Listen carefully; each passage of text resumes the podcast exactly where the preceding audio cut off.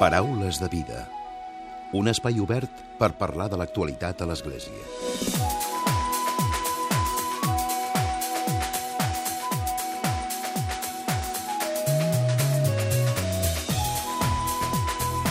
Què tal? Salutacions i molt bon dia, molt bon diumenge. Fa pocs dies va acabar el termini que havia imposat la Unió Europea sobre l'acollida de refugiats a casa nostra. El govern de l'Estat finalment no ha complert amb la quota de persones que havia d'acollir, ja que la xifra ha quedat molt lluny del que establien les autoritats europees. Sigui com sigui, des de Càritas Diocesana de Barcelona demanen un pla estatal de refugi que sigui més humanitari i que el govern central aculli a les 15.300 persones que encara estan pendents d'arribar. Càritas Barcelona va posar en marxa el Servei d'Ajuda a les Persones Refugiades, un programa complementari al Pla Estatal del Refugi que actualment està tenent a 83 persones, unes 35 famílies procedents de països que poden optar a asil o a refugi. D'aquestes, 17 famílies són acollides en pisos de Càritas Diocesana de Barcelona, de parròquies o bé de particulars. En parlem de seguida i ho fem amb Eulàlia Tort de Càritas Barcelona.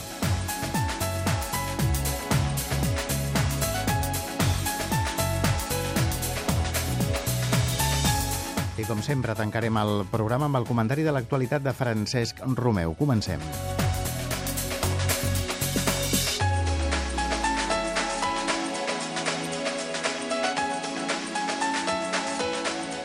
Eulàlia, bon dia i benvinguda. Molt bon dia, Emili. Benvinguda al Paraules de Vida. Gràcies. Parlem de refugiats i parlem primer de tot de que el govern central no ha fet els deures en aquesta matèria, oi? Parlem d'indignació, exactament, no?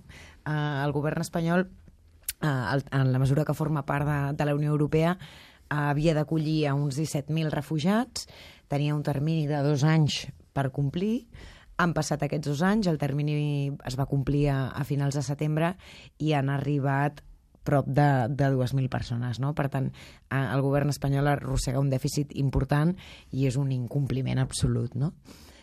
És un incompliment, incompliment d'una cosa que s'havia compromès a fer. És a dir, no, no és que generosament decidís que volia acollir refugiats, sinó que era una obligació i l'ha incomplerta. No sé si això pot tenir penalitzacions per l'Estat, pel govern, o si des de les entitats també fareu una crida que això s'acompleixi.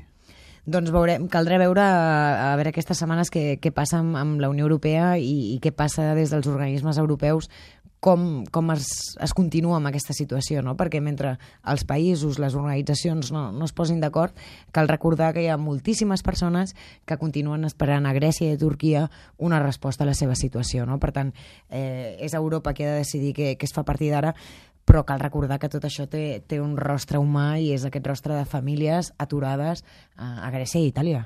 Ara parlarem d'aquest rostre i de la feina que fa Càritas Barcelona, però mm, insistim en, en, en aquesta qüestió. Sembla com si, si el govern d'Espanya no hagués volgut eh, o no fa el gest no? per, per aquesta acollida, per, doncs això, perquè la gent pugui venir aquí.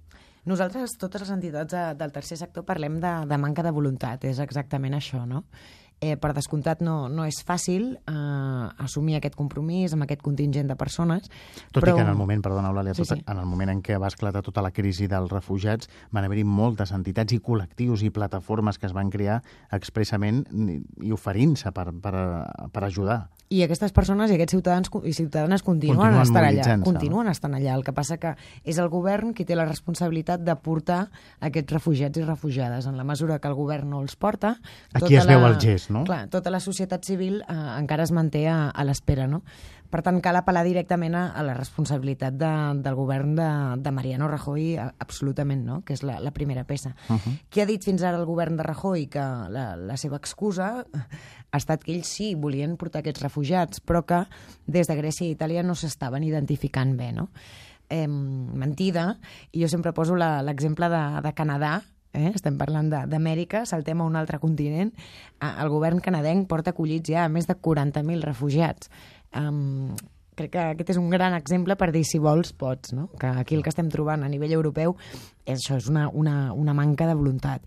I després penso que és especialment greu, eh, especialment greu l'incompliment de, del govern espanyol perquè si ens fixem en tots els països de, de l'Europa de l'Est, Hongria, eh, Sèrbia, tots, tots aquests països que des del principi ja havien rebutjat amb aquesta quota, estan en la mateixa situació que Espanya, no? que, que Espanya, al contrari, no? va tenir un discurs, crec jo, demagògic, en dir, no, no, nosaltres volem acollir, nosaltres complirem amb el compromís, ho ha dit el president, ho ha dit la vicepresidenta, ho han dit diferents minist minist ministres, però no ho han fet. No? En canvi, aquells països d'Europa de l'Est eh, que ho van rebutjar des del principi estan en la mateixa situació que nosaltres. Malauradament es parla molt dels refugiats des de fa un any, un parell d'anys, però la, vosaltres Càritas sempre ha treballat també amb els refugiats. Ara hi ha el pla, aquest pla, el servei d'ajuda a les persones refugiades mm -hmm. de Càritas. Parla'ns una mica del paper que feu i a la gent que esteu ajudant. Doncs, doncs des de Càritas hi ha dues iniciatives ara en, en marxa que tenen a veure amb, amb refugiats. Aquí val la pena fer la precisió de que una cosa és parlar de refugiats i una altra cosa és parlar de, de migrants. Pensem que al món hi ha 65 milions de persones en moviment.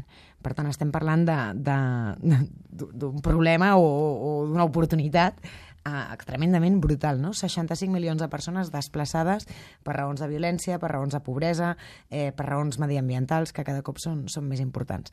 Una altra cosa és quan, quan parlem de, de refugiats i una escena molt particular és la que té a veure amb Síria, que és una mica el que, el que ha estat omplint el, els informatius nostres i que jo crec que ha sensibilitzat molt a la ciutadania i d'aquí han sorgit totes aquestes iniciatives que deies, ostres, vull acollir, no? volem, volem acollir. Aquest volem acollir és magnífic, eh? però estem parlant d'una mini porció, d'una petita porció d'un problema macro a, El mapa a escala mundi global. és diferent, no? no? A escala global. Però si ho aterrem eh, aquí a casa nostra, eh, des de Càritas hi ha, hi ha dos projectes. No? Bueno, primer, eh, apel·lar al que deies, no? el, el Pla Estatal de Refugi. Des, de, des del punt de vista de Càritas és un pla eh, incomplet perquè parla de terminis en comptes de parlar de, de processos vitals. No? Aquest pla estatal eh, planteja un acompanyament a les persones refugiades en termes d'idioma, en, ter en termes d'habitatge, en termes d'educació, de, limitat en el temps. No? Hi, ha, hi ha uns terminis que els refugiats i refugiades han de complir. Des del nostre punt de vista, eh, aquests terminis no són realistes. Pensem que, que són famílies que venen d'altres països, amb altres llengües, amb altres esquemes culturals, que venen de, de països amb guerra i que han de començar de nou. Per tant, plantejar-nos que en 12 mesos, 18 mesos, una persona de sobte pot tenir ja casa, pot tenir feina i pot estar integrada amb absoluta naturalitat i sobretot autonomia, a nosaltres, des de la nostra experiència, eh, ens sembla poc realista. No? Per tant, un dels projectes que Càritas Barcelona du a terme és acompanyar aquestes persones que estan en el pla estatal de refugi, però que no se n'acaben d'en sortir, no? Que els hi falta la... Sí, que, que, que són processos lents, és a dir, no, les, les persones no funcionen per terminis, la, les persones funcionen per processos vitals, no? Per tant, és fonamental acompanyar des del respecte cap a l'autonomia a la persona, no? I un altre projecte que, que Càritas Barcelona va posar en marxa al, al juliol té a veure amb la, amb la mentoria.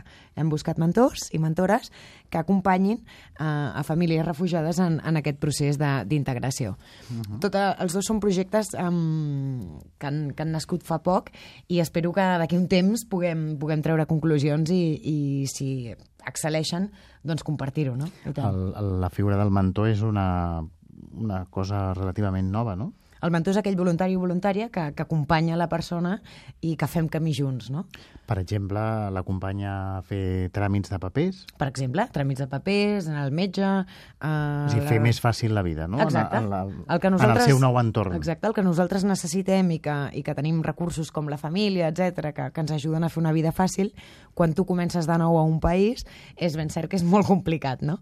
Per tant, agraeixes que hi hagi algú que et guiï una mica. Uh -huh.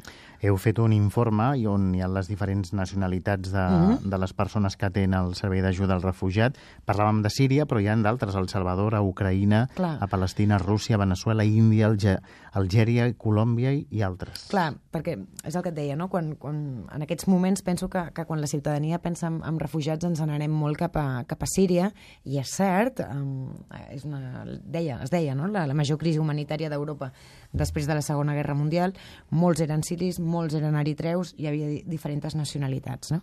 Però el projecte de Càritas vol ser una mica més, més ampli i atendre realment els refugiats i refugiades que arriben a casa nostra um, sense importar de quin país provenguin. No? Has parlat d'El Salvador, per tant ens estem anant a, a Centroamèrica, on hi ha uns problemes de violència importants.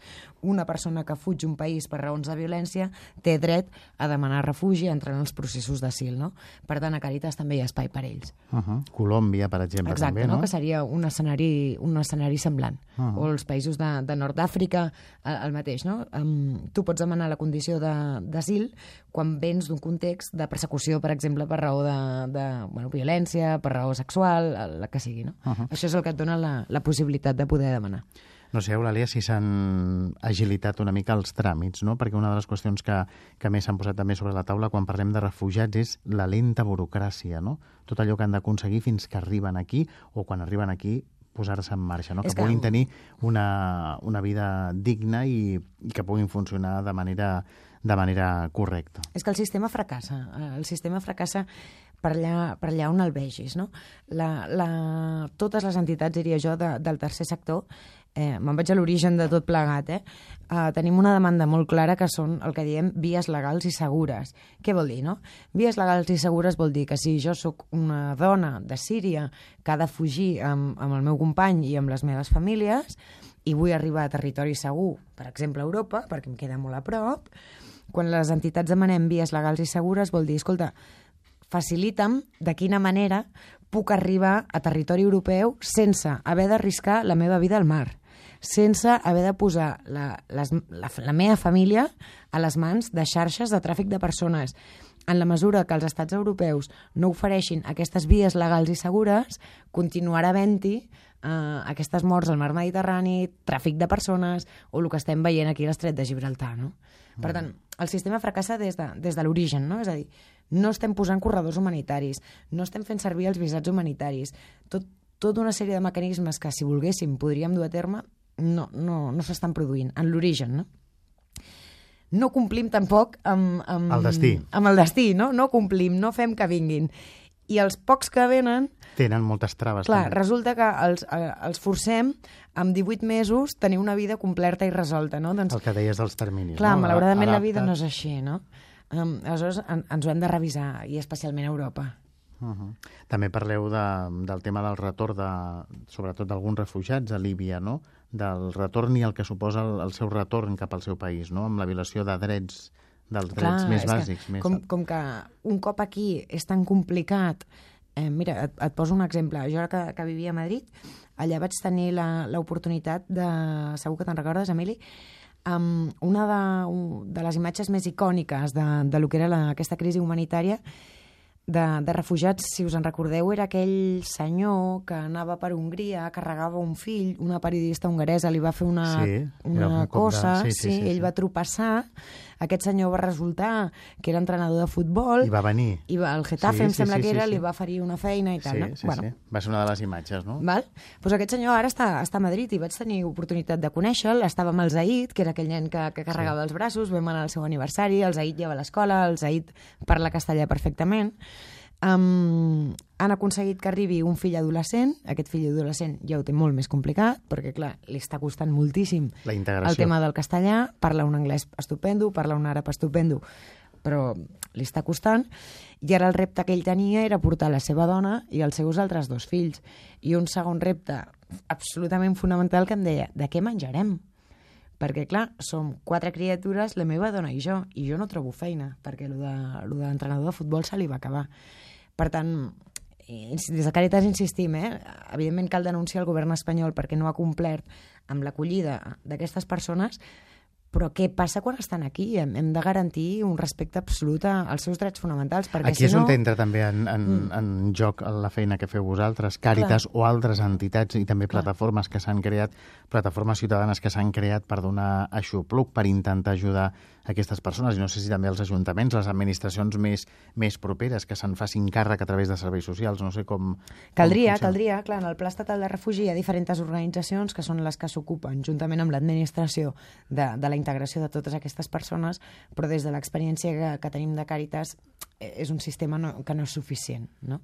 Mm. I això provoca, que és el, el que deies abans, que algunes d'aquestes persones es plantegin tornar a casa seva, no com una opció lliure de dir, escolta, vull tornar, sinó com una opció des de, des de la necessitat, no? Uh -huh. Per exemple, l'Osama, el, el pare del Zaid, eh, es plantejava tornar a Turquia, quan, quan jo vaig parlar amb ell fa uns mesos, eh? Es plantejava tornar a Turquia per, per una qüestió crematística, per una qüestió de, de diners, que em deies que amb 500 euros a, a Turquia podem viure tots, aquí és que no, no, no, no, no m'ho puc ni plantejar, no? Per tant, suposo que també és una, una apel·lació a la solidaritat no? de la gent. A la solidaritat de la gent, però sobretot a, a que pressionem a, als qui realment tenen capacitat de fer les coses diferents, perquè de veritat és una qüestió de voluntat política, no? Per tant, els ciutadans, ara aquests dies ho estem veient per, per altres causes, però penso que, que tenim molt més poder de, del que ens imaginem, no? I que probablement a, aquest sigui el repte.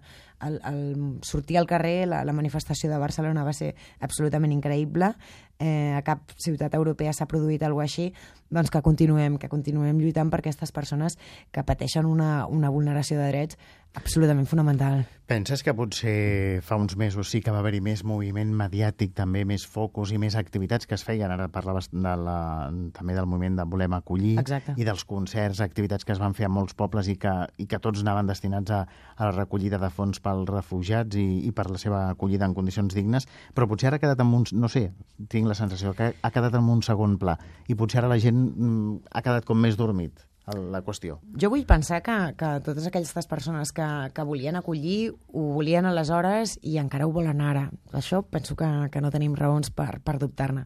El que sí que és veritat és que quan va esclatar aquesta crisi cada dia ens aixecàvem amb imatges de gent morint al mar.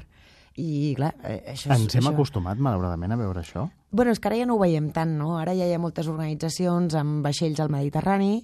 Però Activa um, Open Arms, per exemple, per fa exemple. una feina... I, I recorden cada dia a través de les xarxes socials clar. avui tantes persones. Clar, hi ha Proactiva, hi ha Metges Sense Fronteres, hi ha moltíssimes organitzacions amb, amb, amb lanxes, però què passa? Que, que el pacte que la Unió Europea va signar amb Turquia, uh, sí, com a conseqüència el que va fer va ser tancar a la sortida de lanxes fins a les illes gregues, però simplement va, va desplaçar el problema, no? Eh, és a dir, no, no. I ara, quan, quan veiem aquestes notícies de, de mar Mediterrani, de proactiva, ens hem desplaçat, no? Ara ja no estem parlant de, de Síria i Turquia, sinó que estem a, a Líbia, ens anem a, a Àfrica, que arriben, que volen arribar cap a, cap a Itàlia, no? Evidentment, aquest és un, un drama de, de proporcions brutals, però gràcies a Déu ja no mor tanta, tanta gent al, al mar Mediterrani, no? Lamentablement cal que moltes organitzacions es posin a fer operacions de rescat, no? Les ONGs no es dediquen a fer operacions de rescat al mar Mediterrani, no?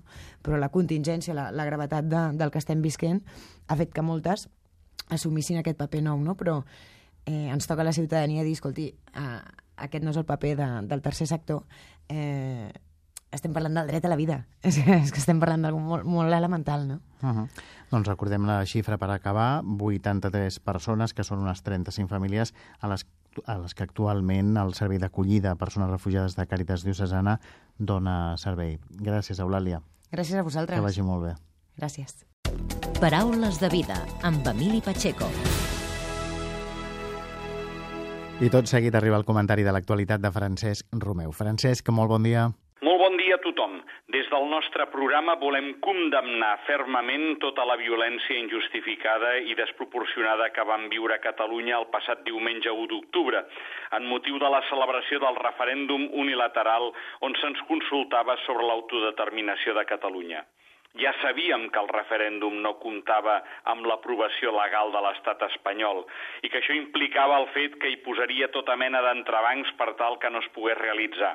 Es va dir que es faria una recerca amb ordres judicials i fiscals dels objectes, paperetes, urnes i cartells, però ningú no s'imaginava que si s'arribava a poder fer, en condicions molt precàries, també es carregaria durament contra la gent. Els Mossos, per treure la por, sempre parlaven d'una norma màxima en les seves intervencions que era el criteri de proporcionalitat i que és el que regiria en totes les seves actuacions. Per tant, allà on hi hagués bastanta aglomeració, es respectaria i es protegeria primer la concentració i expressió de la gent abans que la recerca violenta de les urnes o de les paperetes. Però no, no va ser pas així. Tots vam poder veure, ja sigui per la pròpia experiència o bé per les imatges que ens arribaven, com es va carregar durament contra la gent, molts d'ells amb les mans obertes i alçades i sense respondre a les patacades. Moltes persones van passar por i pànic. Algunes escoles van quedar literalment trinxades. S'ha parlat de violència justificada. S'ha dit d'utilitzar els nens i la gent gran com escuts humans. En resum, s'ha fet córrer que tot això ha passat perquè ells mateixos s'ho buscaven. S'ha confós la possible il·legalitat d'una acció pacífica com si fos un delicte agressiu del qual s'havia de protegir a uns tercers inexistents no som sols a l'hora de fer aquesta condemna, perquè ben aviat ja van sentir la seva veu dels bisbes de Catalunya. Un dels primers va ser el bisbe de Girona, que a través del Twitter va expressar-se així. Cal condemnar la violència que sofreix el poble de Catalunya. La resistència no es venç amb violència, sinó amb un diàleg sincer i pacífic. El bisbe Agustí Cortés va fer servir el canal de Twitter institucional del bisbat de Sant Feliu per transmetre la seva paraula. Ho va fer amb dos tuits del 2 d'octubre en els quals deia compartim el sofriment del nostre poble, la crisi social present és el fracàs de tots els intents de negociació i creiem que encara és possible una sortida democràtica i pacífica. Altres bisbes de la Conferència Episcopal Tarraconense han fet servir el mateix sistema de comunicació per expressar les seves impressions. Un altre dels primers va ser l'arcabisbe de Tarragona, Jaume Pujol, que deia al seu compte personal la situació de violència que es viu avui a Catalunya és deplorable. Cal que s'aturi ja la violència i els enfrontaments. S'ha de trobar una sortida pacífica i democràtica. Encomanem-ho al Déu de la Pau i de manera molt similar el cardenal Joan Josep Omella, a través del Twitter institucional de l'Arcabisbat de Barcelona, opinava la situació de violència que es viu avui a Catalunya és deplorable. Cal trobar una sortida pacífica i democràtica. Encomanem-nos al Déu de la Pau. El bisbe de Terrassa, Josep Àngel Saiz, va fer la següent petició al seu Twitter personal. Demanem un diàleg responsable i assenyat, sense interessos partidistes, cercant la justícia i la veritat, el bé comú i la pau social. En canvi, el bisbe de Solsona, Xavier Novell, al web del bisbat de Solsona, el mateix dia 2, va penjar una nota en la qual s'adreçava a tots els fidels de la diòcesi i a tots els ciutadans que resideixen als pobles, viles i ciutats dins dels límits d'aquesta demarcació eclesiàstica per manifestar la seva opinió sobre la jornada del dia anterior. I deia, admiro la valentia i la resistència pacífica d'aquells que varen defensar l'exercici legítim del dret a l'autodeterminació del nostre poble i condemno tots els actes violents que es van produir, especialment aquells comesos per servidors públics. Demano a tots els polítics que articulin una sortida pacífica i justa per la nació catalana, respectant els drets legítims d'aquest poble, entre els quals sobresurt el dret a l'autodeterminació, sense ignorar tot el que ha passat i tenint en compte el resultat de les urnes. Per altra part, els monestirs catalans, a través d'un comunicat dels abats de Poblet i Montserrat, les abadeses de Sant Benet de Montserrat, de Sant Pere de les Pueles i de Vallbona de les Monges, de les priores de Sant Daniel i de Valldonzella i del prior de Solius, també van condemnar la violència, tot demanant un diàleg sincer i pacífic. Molt bon diumenge a tothom.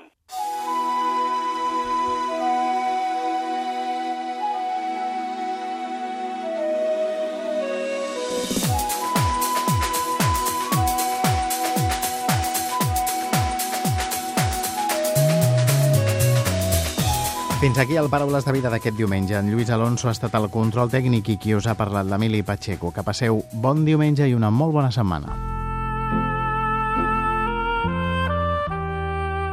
Us oferim la carta dominical de l'arcabisbe de Barcelona, Joan Josep Omella.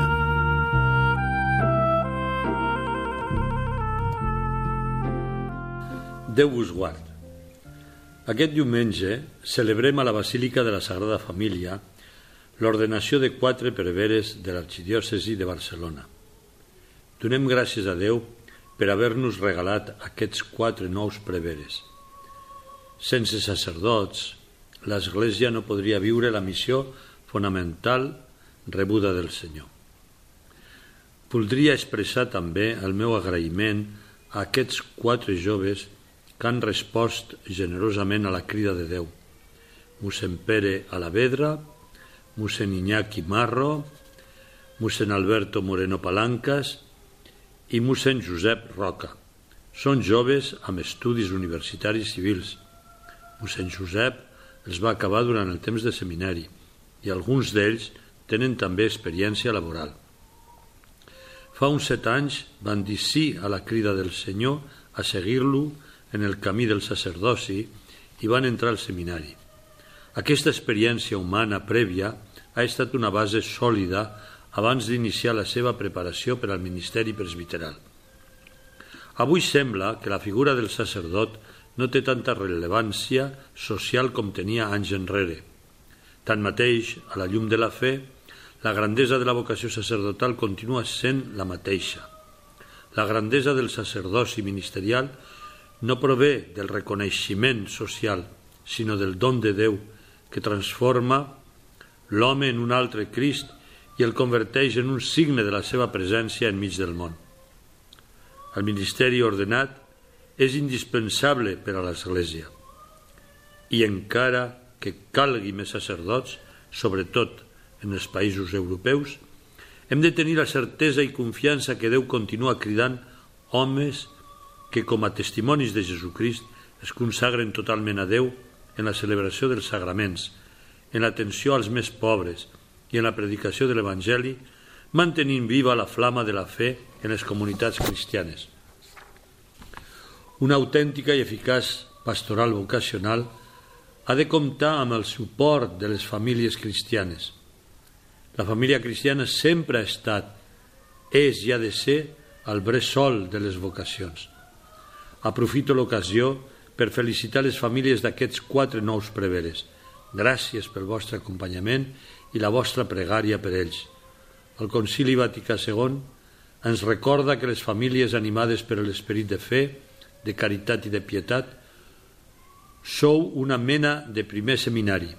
Per això, si treballem pastoralment en bé de la família, estem preparant la terra perquè la llavor d'una possible vocació al sacerdoci, plantada per Déu en els nostres fills, pugui germinar.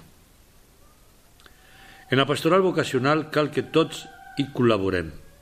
Les famílies acompanyant els seus fills en la trobada personal amb Jesucrist. L'Església ajudant les famílies en la seva missió i els ministres ordenats, diaques, preveres i bisbes, amb el nostre testimoni d'autenticitat, d'amor i d'agraïment per la vocació rebuda, desvellant en els joves cridats per Déu el desig profund de ser un dia com nosaltres. Cal la col·laboració i la pregària de tots, famílies, laics, ministres ordenats, religiosos i religioses, perquè l'acció pastoral vocacional disposi el cor dels joves per acollir la vocació rebuda. Els sacerdots d'avui hem de conèixer la realitat de la nostra societat, els seus desafiaments i reptes, per trobar noves maneres de presentar Jesús i el seu Evangeli als homes i les dones del nostre temps – nosaltres us necessitem, els laics, per poder dur a terme amb fermesa, fidelitat i alegria la missió que ens ha estat confiada. No ens deixeu mai sols. Benvolguts germans, que Déu us beneixi a tots. Us hem ofert la carta dominical de l'arcabisbe de Barcelona, Joan Josep Omella.